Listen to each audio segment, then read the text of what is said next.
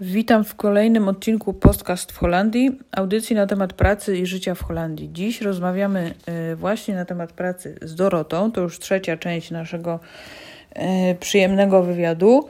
Dorota jest rekruterem i opowiadała już o tym, czym różni się szukanie pracy w Polsce i w Holandii, co powinno zawierać e, dobre CV. A teraz opowie nam na to, co ona jako rekrut, na co ona jako rekruter zwraca uwagę.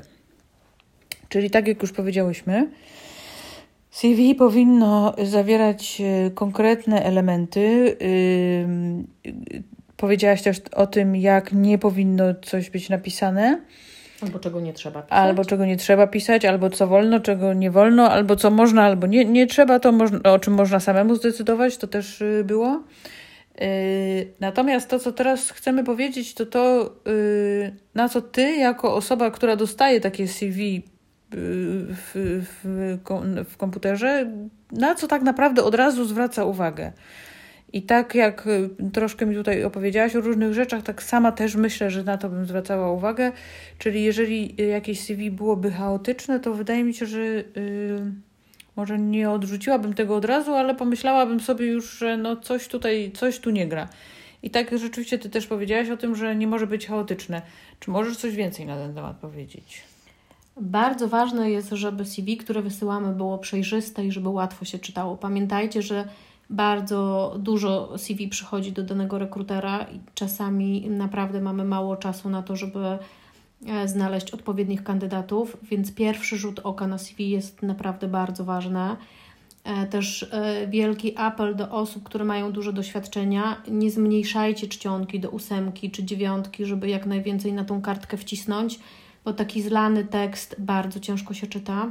Mhm. Więc e, zostawcie to po prostu, niech będzie to normalna czcionka. Też nie przesadzajcie z ozdobnikami.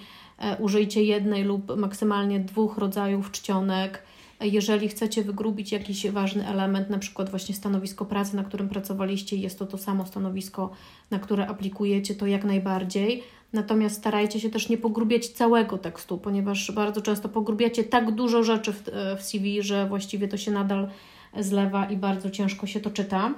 Czyli co jest y, przejrzystym tekstem? Jak kiedy jest kiedy to CV jest przejrzyste? Jeżeli jest ładnie rozłożone na bloki, jest wydzielony paragraf, dane osobowe, doświadczenie, wykształcenie, więc wtedy wiem, gdzie mhm. mam tego szukać. Dla mnie ważny oczywiście jest ten język e, obcy, więc fajnie, jeżeli on jest od razu na pierwszej stronie E, tak jak wspomniałam, właśnie fajnie, jeżeli to jest podzielone na kolumny i tam od razu widzę, na jakim poziomie jest język, jaki jest to język i jak jest prawo jazdy, to też od razu widzę, więc wtedy super fajnie się to wszystko czyta. Na co zwracasz uwagę? Właśnie no, na te elementy, o których wspomniałam, więc w pierwszej kolejności jest to oczywiście język, e, potem doświadczenie. Też zwracamy oczywiście uwagę na błędy Używajcie autokorektorów, żeby sprawdzić, czy tekst jest dobrze napisany, bo czasami naprawdę przychodzi to w tak strasznej formie, że, że w bardzo. W sensie błędy ortograficzne, tak? W sensie błędów ortograficznych, że mhm. naprawdę bardzo trudno potem nawet dojść, co to jest za język. E, można przecież poprosić kogoś, żeby ktoś zerknął e, na tekst i nam poprawił te błędy. Albo włączyć autokorektę. Albo włączyć autokorektę i samemu sobie to poprawić. Jak najbardziej opcji jest dużo, więc wystarczą tylko chęci. Mhm. E, no i oczywiście ważne też, przypominam o tym, już wiem, że o tym mówiłam, ale przypominam jeszcze raz, pamiętajcie, żeby uaktualniać te CV żeby doświadczenie nie kończyło Wam się na jakimś 2018 roku, bo to wtedy wygląda, że od tego czasu kompletnie nic nie robiliście. Pamiętajcie o tym, żeby numer telefonu był aktualny, bo naprawdę bardzo dużo czasu tracimy na analizę CV, potem próbę dodzwonienia się do kandydatów, a numer jest już dawno wyłączony, mhm. więc tutaj też uczulam.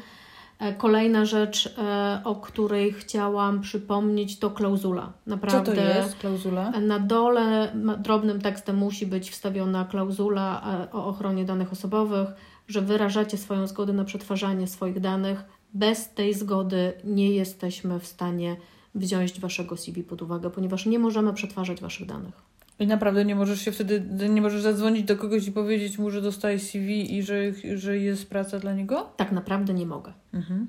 Nie mogę zrobić z tym dokumentem kompletnie nic. Więc mhm. ta klauzula, pamiętajcie, naprawdę ta klauzula jest bardzo ważna i ona tam koniecznie musi być.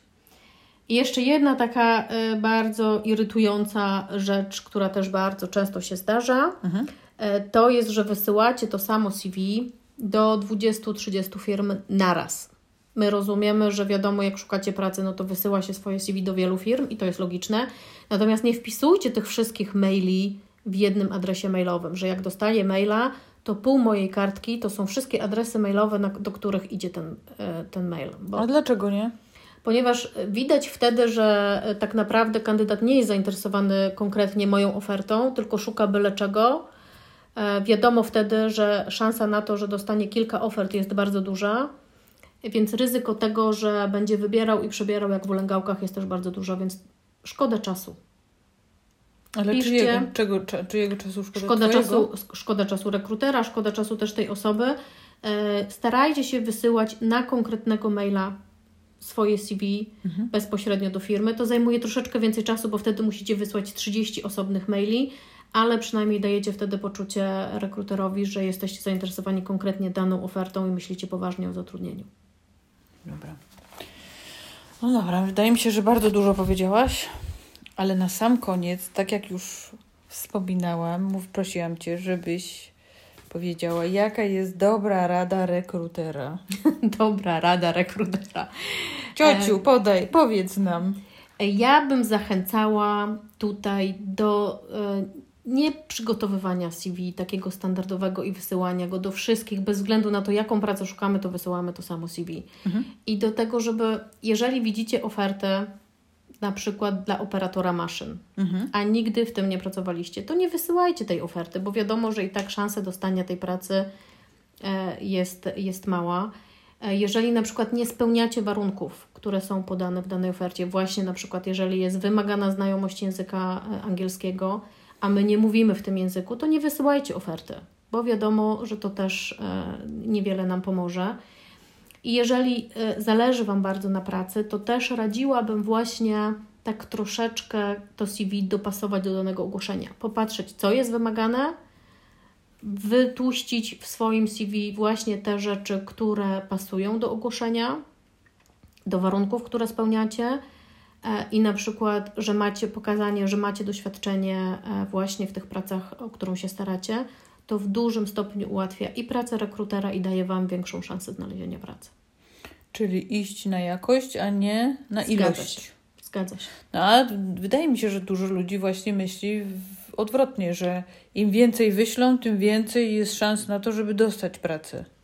Teoretycznie zgadza się, natomiast pomyślcie sobie w ten sposób, że nawet jeśli wyślecie 30 CV, mhm i z tego 29 wyślecie je na oferty, gdzie w ogóle nie spełniacie warunków, to mhm. i tak tej pracy nie dostaniecie. Więc mhm. szkoda waszej, waszego czasu, tak? Mhm. bo musicie poświęcić czas na to, żeby to rozesłać.